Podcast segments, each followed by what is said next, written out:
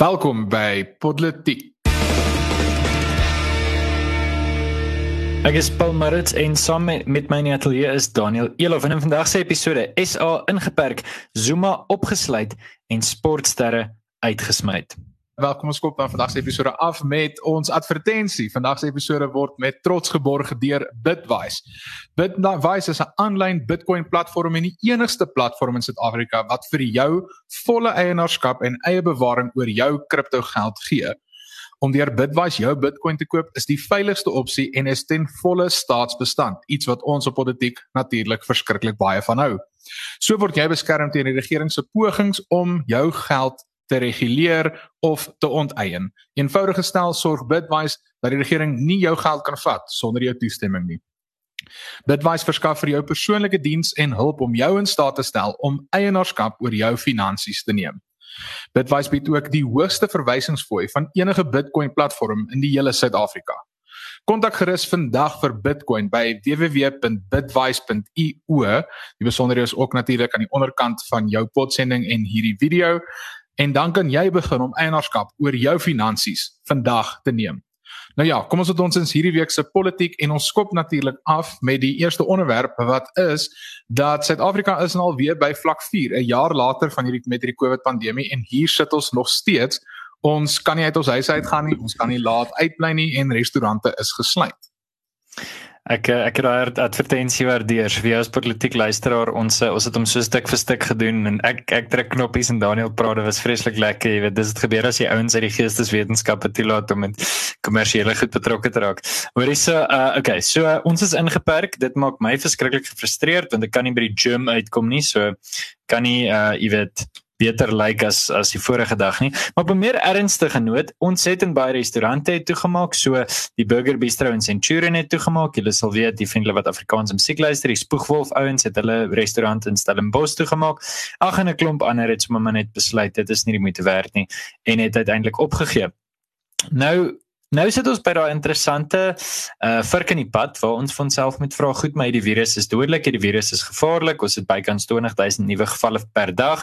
Hoe dan nou? Wil die politiek span nie hê mense moet veilig en beskermd wees nie? Wel natuurlik wil ons hê mense moet versigtig en beskermd wees. En ons sal dit nou 'n bietjie bespreek, maar uiteindelik sit ons ook met die situasie dat ons ekonomie dit regtig nie kan hanteer nie. Nou, hoe ek oor voel Daniel is duidelik van die begin af jy kry een vlak 5 inperking. Dit dit weet ons eintlik van die begin af. Jonathan Wood het dit op Twitter gesê verlede jaar tydens vlak 5. Hy sê jy kry een keer 'n vlak 5. En hulle het gebruik in 'n tyd toe dit regtig nie nodig was nie, miskien in 'n tyd wat dit meer nodig is. Ehm um, het hulle dit nie gebruik nie. Uh en en die gevolg is nou sit ons met 'n ekonomie wat dit regtig nie kan hou nie. En die vraag is ook is dit regtig die korrekte oplossing? Vir nou is daar dalk nie regtig veel anders om te doen nie. Maar die feit dat ons land 6 maande na meeste wêreldlande eers begin vaksines en enstowwe uh bestel het nie vaksines en enstowwe nie. Dis dieselfde ding. Enstowwe is net dalk die beter Afrikaans. Uh die feit dat ons 6 maande later dit begin bestel het, dis die rede hoekom ons nie die probleme is en mense moet nie die fout maak om te dink ons is in hierdie derde golf as gevolg daarvan dat uh, dat mense net roekeloos is en dat mense van hulle vryheid weggeneem moet word nie. Ag en nou kan mens natuurlik praat oor die fynere nuances. Ehm um, jy weet gaan dit regtig help om Gauteng toe te sluit? Is Gauteng nie juist die probleem nie? Nou kan ons nie gaan jag in in op die plaas nie, maar ek jy weet kan tegnies nog rondloop in Gauteng. In elk geval uh, klomp goed om daaroor te sê. Miskien kan jy uit 'n meer tegniese punt uit 'n bietjie uitbrei want ek gaan redelik emosioneel aanbabbel hieroor. Ja, ek ek voel ook redelik emosioneel daaroor want dit maak my verskriklik kwaad. Ek bedoel hier sit ons 'n jaar later, die 3 weke om ons hospitale en kapasiteit voor te berei vir COVID-19 en 'n jaar later, meer as 'n jaar later en ons sit nog steeds met stupid inperkings. Dit natuurlik ook in 'n tyd waar die regering ons het minder as 1% van ons bevolking is ten volle uh, ingeënt teen teen hierdie virus of terselfdertyd laat hulle nie behoorlik toe dat mense ivermectin kan gebruik om hulle self te beskerm teen COVID-19 nie. Nou uh, ek ek kan vir julle baie eerlik sê ek was aanvanklik verskriklik skepties oor ivermectin. Ek het um, ons het die saak aan die begin van die jaar gedoen. Ek het dit gedoen uit omdat ek 'n prokureur is en ek moet my werk doen en my kliënt se instruksies uitvoer. Maar soos wat ek al meer blootgestel word aan die data en hoe ek meer begin oplees oor ivermectin, gaan dit absoluut my verstand te bowe dat regerings oor die hele wêreld, nie net Suid-Afrika nie, so absoluut vaskop teen ivermectin uh, nie net vrystaan nie. Ons vra nie dat hulle dit net vir almal gee nie. Ons vra laat dit toe dat mense dit kan gebruik vir COVID-19 behandeling indien hulle wil. Want dit is dis regtig so eenvoudig soos dit. Dit gaan oor 'n pasiënt en 'n dokter se vryheid om te kan besluit op 'n soort mediese behandeling indien hulle behoorlik ingelig is en daai besluit neem. Maar ja, hier sit ons 'n jaar later kan ons steeds nie behoorlik ivermectin gebruik nie. Mense word nog steeds nie ingeënt nie. Suid-Afrika word nie behoorlik voorberei nie. En nou nou sit ons met met vlak 4 en ek kan vir julle sê ek is redelik seker hierdie gaan nie net 'n 2 weke vlak 4 inperking wees nie. Ek dink ons kyk na nader aan 'n 6 weke vlak 4 inperking. Ek dink hy gaan nog verleng word vir ten minste 3 of 4 weke. En ehm um, ek, ek dink hulle probeer mik om net die winter klaar te kry. En en ek dink dit gaan verander nie. Ek bedoel die regering se eie 'n uh, 'n uh, uh, hulle eie doelwit aan die begin van die jaar was om te sorg dat Suid-Afrika teen in 'n 12 maande siklus ten volle ingeënt is. Uh, hulle hulle het gesê hulle gaan op 316 000 mense per dag inent en hulle het nog hulle het skaars meer as 300 000 mense in totaal ten volle ingeënt. Ek bedoel dit is net 'n uh, absolute gemors en ek, ek maar aan die ander kant wat verwag ons het? Ons regtig gedink ons regering gaan hierdie op 'n bekwame manier hanteer. Dis dieselfde mense wat nie eens lokomotiewe kan bestel wat op ons spore pas nie Ja, Daniel, ons sien omtrent al vir 'n jaar politiek op stream jaar. Dit was jou baie goeie idee geweest. Ehm um, en dis die meeste kommentaar wat ons al ooit in die eerste 5 minute gekry het. Mense kan regtig sien die politiek luisteraar daar buite is is ontstel hieroor en ons deel julle ons deel julle ontsteltenis hieroor. Ek ek dink natuurlik as die antwoord maklik was sou ons die antwoord gevolg het. Natuurlik kan mens nou terugkyk en sê maar goed, die Nederlanders en die Swede wat aanvanklik nie alles en almal toegesluit het, jy weet, ehm um, nie hulle doen dalk nou 'n bietjie beter want hulle het al hierdie hierdie kudde immuniteit begin ontwikkel. Dis te laat om kudde immuniteit nou in Suid-Afrika te probeer ontwikkel. Jy weet baie baie baie mense gaan sterf as jy dit nou wil doen want die die benadering is net jy weet jy moet dit van die begin af doen of jy moet dit glad nie jy kan nie halfpad deur dit begin doen nie dan die virus nou jy weet ek weet nie hulle weet die tegniese goed ons praat nou al jare en 'n half hieroor. Okay. Goed, uiteindelik dus nou vir onsself vra wat nou en waarheen nou, nê. Nee. Ehm um, nou ek dink heel eerstens die regering weier om om die mag vir inenting weg te gee. En daar's natuurlik ook regulasies van die enstofmaatskappye wat dit baie moeilik maak vir die private sektor om na die tafel toe te tree. Selfs iemand soos Discovery wat groot hoeveelhede kapitaal tot hulle beskikking het, uh, kan nie maklik tot die tafel tree nie want daar's net sekere goed wat dit onmoontlik maak. Uh die probleem is en ek het 'n Ivermectin uh, gesprek op Marula Media gedoen so 3 weke terug. Dit is nog op my Facebook tydlyn vir die van julle wat wil gaan loer, maar uh Barend Eis van Afriforum se uh, Opinor Navorsingsinstituut het 'n interessante ding gesê. Hy het gesê onthou, daar's nou miljarde en miljarde en miljarde rande in die ontwikkeling hiervan in en uiteindelik, jy weet, kan dit wees. Nou, ons beskuldig niemand daarvan nie. Ek is nie 'n samesweringsteoretikus nie, maar dit kan wees dat uh jy weet alternatiewe soos ivermectin en alternatiewe vaksines net gewoon uit die mark uit gehou word want dit maak nie sin. Um vir daai maatskappy wil dit iewers daai maatskappy moet hulle wins terugmaak. Hulle moet op 'n of ander manier dat die dat kapitaal tog 'n rol speel. Nou of dit so is of dit nie so is nie, dit weet ek nie, maar ek weet tog dat op hierdie stadium die situasie bitterlik sleg hanteer word. En jammer as ek klink soos 'n plaat wat krap, maar die Suid-Afrikaanse regering wou eerder as om enstowwe te bestel, geld steel. Nee, nee, jy kan dit nie anders stel nie. Die Digital Vibes kontrak waarvan die verslag nou middernag uitkom vanaand, dit gaan dit vir ons wys jy weet daar da is mense vir miljoene rande aangestel om Zoom vergaderings te reël. Ehm um, wat op aarde en dan is daar nie geld om dokters te plaas nie. Daar is nie en daaroor het ons laasweek gepraat, daar's nie geld om enstowwe te bestel nie. Ehm um, en jy weet ag ek ek weet nie dit dit ons stelle mense net dit dit maak 'n mens dit maak 'n mens kwaad want wie se mense wat die meeste hier onder lê wel by die stadium die klein besigheidseienaars in Suid-Afrika. Wit swart pers noem dit jy weet wie ook al wil. Ja natuurlik befondsing of hulp is op hierdie stadium word is nou ook onderhewig aan aan uh, rasseklassifikasie en en dis absoluut teen internasionale norme. Maar irrelevant daarvan die klein besigheidseienaar die persoon op straat dis die persoon wat dit nie gaan maak nie. Die groot ou wat wat na die regering se pype dans in elk geval genoeg kapitaal om te oorleef So dis ons stelling Daniel en uh, ek ja jy weet nou sit 'n mens nou sit jy hier so wat kan jy nou doen?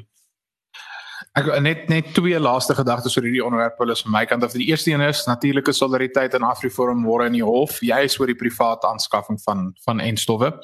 Ehm um, ons die die registrasie vereistes wat SAPRA ehm um, eintlik maar forceer op hierdie enstofmaatskappye is dat hulle slegs aan die regering mag uh, enstowwe aanskaf. So uh daai daai saak word môre aangehoor. En dan die tweede ding is ek ek stem 100% saam. Ek sien van ons luisteraars sê wel dit is dit is 'n dit is nie 'n maklike eenvoudige ding hierdie nie en ek ek ek dink nie ons probeer sê dit is nie. Ek dink nie ons sê dat enige regering kon vooruit besef het hoe ek wil nie sê hoe, hoe erg hierdie pandemie sou gewees het nie, maar die invloed wat hierdie pandemie sou gehad het, nie net op die land nie, maar op die hele wêreld. Dit dit is nie net 'n eenvoudige ding nie. Geen van die besluite is maklik nie.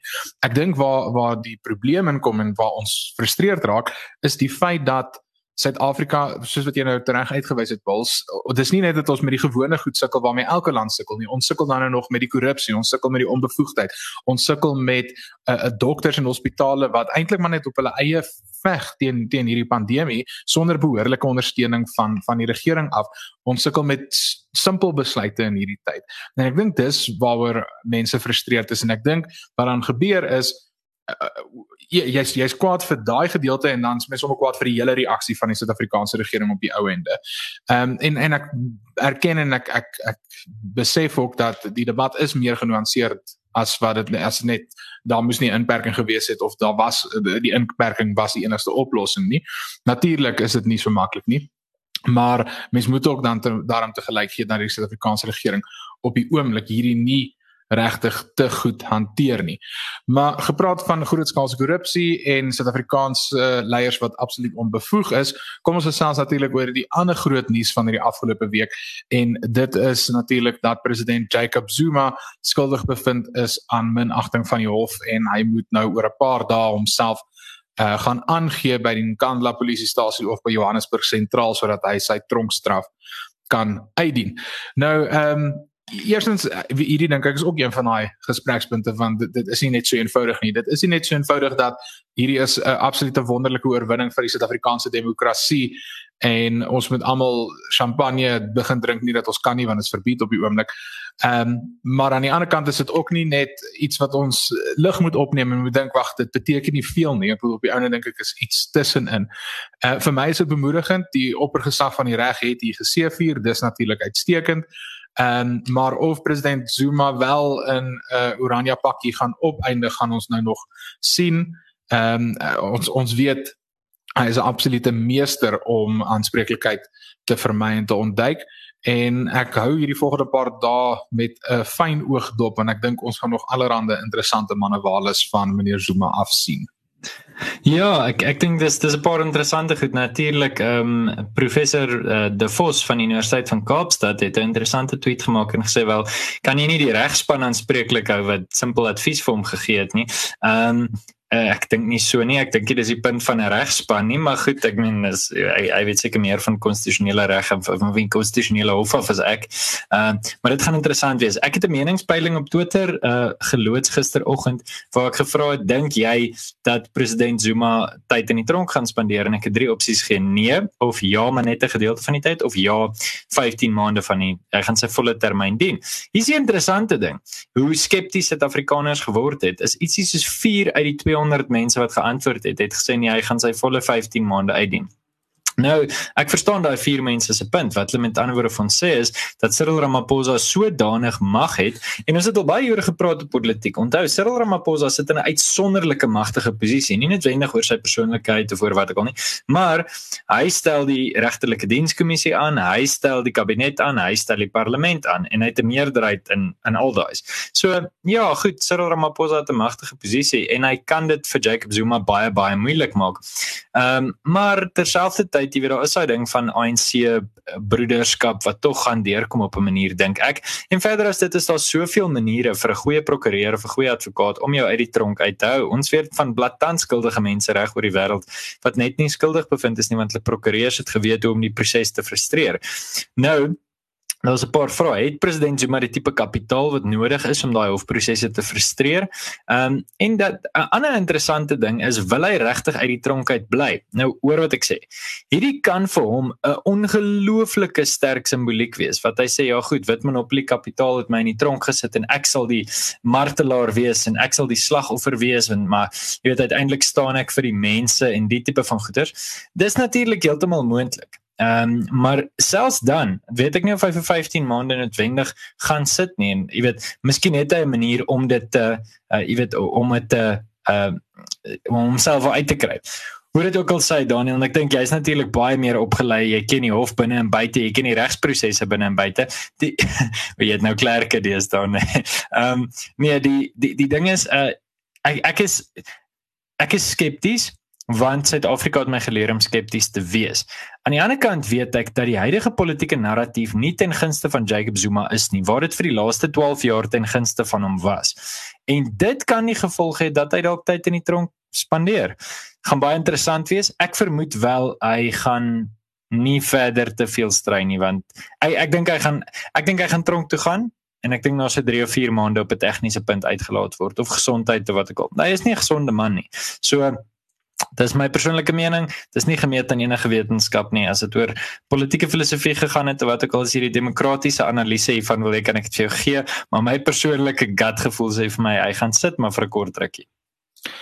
Ek wel wel kom ek vra vir jou so, weet jy van enige ander voormalige staatspresident wat al ooit in die in die tronk gesit het? Dis wat ek van weet is van allerlei obskure lande soos Moldova en uh, Nicaragua en allerlei sulke aardige plekke en is almal vreeslik lank terug. Wel um, Sarkozy het in die tronk gesit, is dit nie vir 'n rukkie? Was dit voor of nadat hy was hy?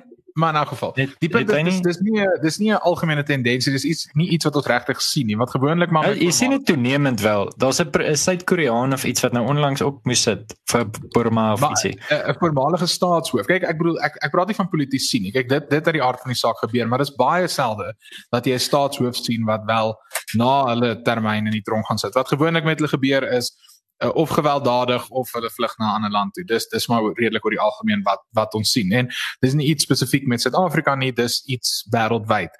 Ehm um, so ek ek sal regtig uh, baie baie verbaas wees as hy enigstens in die in die tronk gaan wees. Wat dit wel natuurlik doen is dit maak vir eh, 'n uh, sekere faksie binne die ANC se hand sterk, maar dan aan die ander kant gee dit nogal sy rede vir 'n ander sterk faksie binne die ANC om half slagoffer te speel en dit te gebruik om ondersteuning uh, uh te bou binne die party. So ek, ek dink dit gaan vreeslik interessant wees. Ek dink uh dit dit is nog steeds 'n goeie positiewe ontwikkeling. Ek bedoel as ons moet as ons moet kyk, al wat slegter kon wees as hierdie, of nie al wat slegter nie, maar een van die goed wat baie slegter kon wees is as die grondwetlike hof nie hom skuldig bevind het aan minagting van die hof nie of indien die grondwetlike hof net nog steeds vir maande aan een of vir jare net nie uitspraak gelewer het nie. Dit sou baie meer rampspoedig gewees het vir die Suid-Afrikaanse demokrasie en vir die land as geheel en van spreeklikheid as as wat hierdie was. So ten minste een boksie wat gecheck word. So dis nie dis nie heeltemal dink ek so vreeslik sleg nie. Maar nou ja, Paulus, as ons dalk kan oorgaan na die laaste onderwerp vir vandag se gesprek en sien dat ons nie vir uh, Erns en Herman vandag aan die ateljee het nie, kan ek en jy lekker redelik lank gesels oor sport. En jy wil spesifiek gesels oor Suid-Afrikaners wat oor see redelik goed presteer op die oomblik. Ja, so ek wil vinnig 'n bietjie praat oor Doan van der Merwe en uh die van julle wat wat sosiale media dophou, sal weet dat Doan van der Merwe uh, ewe skielik hierdie naam net opgeblaas. Hy het natuurlik 'n redelike agtergrond. Hy het vir Skotland al hy speel al 'n paar jaar vir Skotland en hy is nou onlangs gekies vir die Britse en Ierse Lions. En in 'n opwarmingswedstryd begin van die week of verlede naweek het hy absolute uitstekende wedstryd gehad. Om 'n bietjie agtergrond te gee, Doan van der Merwe is die broer van Akker van der Merwe springbokhakker.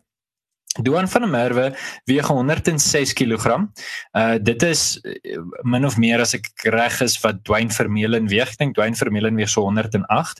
Doan van der Merwe is ook 6 voet 4 en hy hardloop 100 meter in wat 11 sekondes. So jy praat van basies is dit Afrikaanse Jonah Loume. Goed. Hoekom speel hy vir die Britse en Ierse Lions? Uh daar's 'n klomp antwoorde. Ek ken nie vir Doan van der Merwe persoonlik nie. Ek ken nie die van der Merwe familie nie. Ek kan nie sê hoekom hy oorgegaan het nie. Wat ek kan sê is dat daar 'n probleem in Suid-Afrikaanse sport is. En ek hoef eers vir te sê wat die probleem is nie. Ek kan net vir jou sê wat op hierdie stadium die vrugte is wat ons pluk. Uh Devon Conway, die nommer 1 Nieu-Seelandse kolwer tydens hulle onlangse reeks in Brittanje, Suid-Afrikaner wat laat in sy lewe oorgegaan het. Ehm um, natuurlik weet ons van uh, C.J. Stander. Okay, dit was dalk onder ander omstandighede, maar ons weet van hoeveel ander. Ons weet van Keaton Jennings, die seun van die af van die Protea afrigter Ray Jennings wat vir Engeland speel. Uh, ons ons kan regtig eintlik nogal sy rukkie aangaan oor in is oor spelers wat in die buiteland rugby of cricket speel uh, en hulle voldoen aan 'n bepaalde patroon. dit is hoofsaaklik uh hoofsaaklik jong wit mans wat oorgaan. Hoekom doen hulle dit? En dis die vraag wat ons nou vir mekaar moet vra. En dis 'n moeilike onderwerp. Mense hou nie daarvan om oor die onderwerp te praat nie, maar ons moet die ding in die in die gesig kyk. Op junior vlakke is dit so moeilik veral in bepaalde posisies en veral op vleuel vir 'n vir 'n wit ouetjie om om die span te maak. En die feit dat dit vir my moeilik is om daaroor te praat, wel dis al klaar kommerwekkend. Die feit dat ons so versigtig is en so op eiers moet loop hieroor. Dit is nie aanvaarbaar dat ons vir kinders sulke drastiese en geweldige kwotas instel nie. Wêreldsport, wêreldkriket en wêreldrugby gaan hierdie ding op hulle hande hê want hulle is besig om absoluut onredelike goed in Suid-Afrika toe te laat. Dat jong talentvolle ouetjies eintlik maar net land uitgestoot word as gevolg van die kleur van hulle vel. Wat is dit anders as rasseklassifikasie? Wat is dit anders as rasmalheid? Um, ek is in die bevoordeelde posisie om by Solidariteit Jeug elke dag eintlik te doen te hê um, te werk met jong mense wat deur een of ander wetgewing uitgesluit word. En die veelheid op basiese vlak, atletiekspanne, netbalspanne, cricketspanne, rugbyspanne wat net gesê word luister jy in jou groep van 18 mag daar nou 5 wit kinders wees. Dis wat vir afrigters gesê word en jy moet aangaan daarmee. Nou die vraag is wanneer gaan ons opstaan hier teen en die vraag is ook hoe kan ons opstaan hier teen? Um, in in effek glo ek dat wat Doan van der Merwe gedoen het was om op te staan hier teen. Hy het gesê wel ek gaan dit nie vat nie. Ek is 'n briljante rugby speler, ek gaan dit nie vat nie. Sy boetie het vir die Springbokke gespeel. Ek bedoel dis nou dit sê nogals iets. As jy boetie vir Springbokke speel, jy sê nee, dis nie vir my die moeite werd nie. En dan sal mense sê jammer dit gaan oor geld. Dis nie waar nie. Hierdie ouetjies sou goeie geld in Suid-Afrika gemaak het. Die punt is net die deure het vir hulle toegebly. Ehm um, en dit gaan aanhou gebeur en ons gaan aanhou om die beste talente in die wêreld nie net te verloor nie, maar in ander lande af te staan as ons nie Merite eerste stel nie. Ons kan onsself nie 'n vrye land noem as Merite nie voorop stel by die seleksie van die beste persoon nie. En dit sluit jou hartchirurg in, maar dit sluit ook jou linkervleuel in. So ek wens vir Doan van der Merwe alles van die beste toe. Uh sterkte om vir Cheslin Colby te tackle. Dit gaan nie maklik wees nie, maar uh uiteindelik sou dit lekker wees om Doan van der Merwe te sien speel vir die Bokke, maar 'n deel van my kan verstaan dat hy nie sy kans gekry het nie. En ek sê nie daardeur hy sou vir Mapimpi uitgespeel het nie. Dis nie wat ek sê nie. Wat ek sê is ek dink nie hy het 'n regverdige kans gekry om te probeer nie. En dis hartseer. Nou Paulus, jy het so vinnig daaraan geraak, maar ek wil 'n bietjie duiwels advokaat speel. Ek maar eers eerstens begin deur te sê ek erken die probleem van rasbeheertyd in Suid-Afrika. Ons is juis besig met 'n redelike groot klagte by die internasionale netbal federasie op die oomblik uh teen netbal Suid-Afrika en teen Suid-Afrikaanse skole netbal oor presies hierdie punt oor rassekwotas waar ons redelike klinkklare bewys het waar hulle spelers uitspanne uitgehaal het want hulle moes kwotas aan daai spanne toepas. So ek, ek dink dit is dat ek nie ek ek ek ken 100% die probleem. My vraag is net eenvoudig, wel ons sien redelik sportsterre van byvoorbeeld Nieu-Seeland en Australië wat ook oor see sit. Ehm um, en en ek dink ek ek dink die vraag is dan op die ou ende, hoeveel van daai besluit van iemand soos Duan ehm um, is geld en hoeveel is so tipe van 'n passiewe verset teen wat hy in Suid-Afrika op die ouene sien of hoeveel van dit is hy hy sien eenvoudige geleentheid of Party van dit gebeur dalk per ongeluk. Ek ek het klomp uh, uh mense wat saam met my op skool was wat ek mee saam rugby gespeel het wat hulle hulle sit nou oor see. Hulle speel in Frankryk, hulle speel in in Ierland, hulle speel in Skotland rugby. Uh, die een uh, Jansen wat nou uh, hy's nou ingesluit in die Springbok span vir die Brits en Ierse leeu stuur. Hy is 27 jaar oud. Hy's nou eers gekies vir die Springbokke om um, om om om te speel en hy het vir jare daar gespeel. En my vraag is, gebeur dit nie dalk net per ongeluk dat o, jy sien 'n geleentheid, jy gaan Skotland toe, jy gaan oor see, jy speel daar rugby en dan op die ouene word jy nou wel ehm um, en en en wat wat jy word eligible in in Engels. Maar dan kan jy ja. wel vir die span begin speel nie. Kyk, dis dis baie goeie vraag Daniel en ek dink jy weet ons ons gaan ons gaan regtig lank hieroor kan praat. Jy weet daar's 'n klomp voorbeelde. Dink aan iemand soos Jorginho, né? Jorginho, die vriende wat nou nie sokker kyk nie, hy's Itali Italiaanse middelveldspeler. Hy kon vir Brasilië gespeel het. Die land wat al 5 wêreldbekers gewen het. Hy het gekies om vir Italië te speel. En nou goed, ek weet nie waar hy groot geword het nie, maar ek weet hy praat vlot Portugees ook. Ehm um, okay, dit ek ek hoor die argument. 'n Mens kan kies om in 'n sterker ekonomie of 'n swakker ekonomie te werk. En as jy presies dieselfde ding doen, dan maak dit sin om dit te doen in 'n plek waar daar vir die meeste geleenthede is. So byvoorbeeld, ehm um, ek werk vir 'n kultuurorganisasie. Die Afrikaner kultuur is nie baie wyd gesaai nie. So ek gaan Suid-Afrika werk. Jy's 'n prokureur wat in Suid-Afrika, jy weet, toegelaat is. So jy, jy kan nie regtig elders anders werk sonder om moeite te doen en jy weet iets anders te doen nie. Maar as jou werk is om baie vinnig te hardloop. Jy kan dit enige plek doen en jy gaan na die plek wat vir jou die beste geleenthede skep, irrelevant. En dat die trots wat daar is vir die wapen van die All Blacks wie Springbok of die Weekal, dit is nie noodwendig meer so belangrik nie. Ons sien dat ek dink Jack Grealish groot Engelse sokkerspeler, hy kon ook vir Ierland gespeel het. Hy het gekies om vir Engeland te speel want hy gaan 'n groter kompetisie speel, hy het 'n groter kans om groot trofee te wen. Dit alles verstaan ek. Maar ek dink in Suid-Afrika spesifiek in bepaalde posisies uh op die rugbyveld spesifieke posisies in die span en in cricket spesifieke posisies in die span is daar bepaald 'n toename in kwotas en is dit moeiliker vir ouens om te kompeteer gebaseer op die kleur van sy vel. En as die beginsel was dat die wêreld in die 21ste eeu so moet werk dat jy op meriete gekies moet word en dat ras juis nie met saak maak nie en as president Mandela vir ons beloof het ras gaan nie die belangrikste ding wees nie, dan dink ek daar is 'n addisionele faktor. Natuurlik is daar mense wat geld gekies het bo die wapen weet in 'n sekere mate wil mense seker sê goed, okay, goed vir jou. Uh jy weet, jy het 'n groter kans gehad om dit te maak in 'n land wat nie noodwendig sulke groot mense het nie en waar mense dalk kleiner is, jy het 'n groter kans gehad om dit te maak, natuurlik. Ehm um, maar ek dink jy weet dit sou 'n oorvereenvoudiging wees om te sê in hierdie geval gaan dit net daaroor. Ek dink as jy 'n Nieu-Zeelander is en jy het besluit om in Engeland of in Wales van Skotland te gaan speel want is gewoon vir jou 'n bietjie makliker. Uh of jy het in Samoa groot geword en daar is gewoon net nie geld in sport nie, dan is dit vir my bietjie anders as 'n land wat sistematies aktief en openbaar rasseklassifikasie by by sport toepas. So ek dink die die punte wat jy maak is nie noodwendig om duiwels advokaat te speel nie. Jy maak goeie punte. Maar ek dink in Suid-Afrika is daai konteks nie so eenvoudig nie.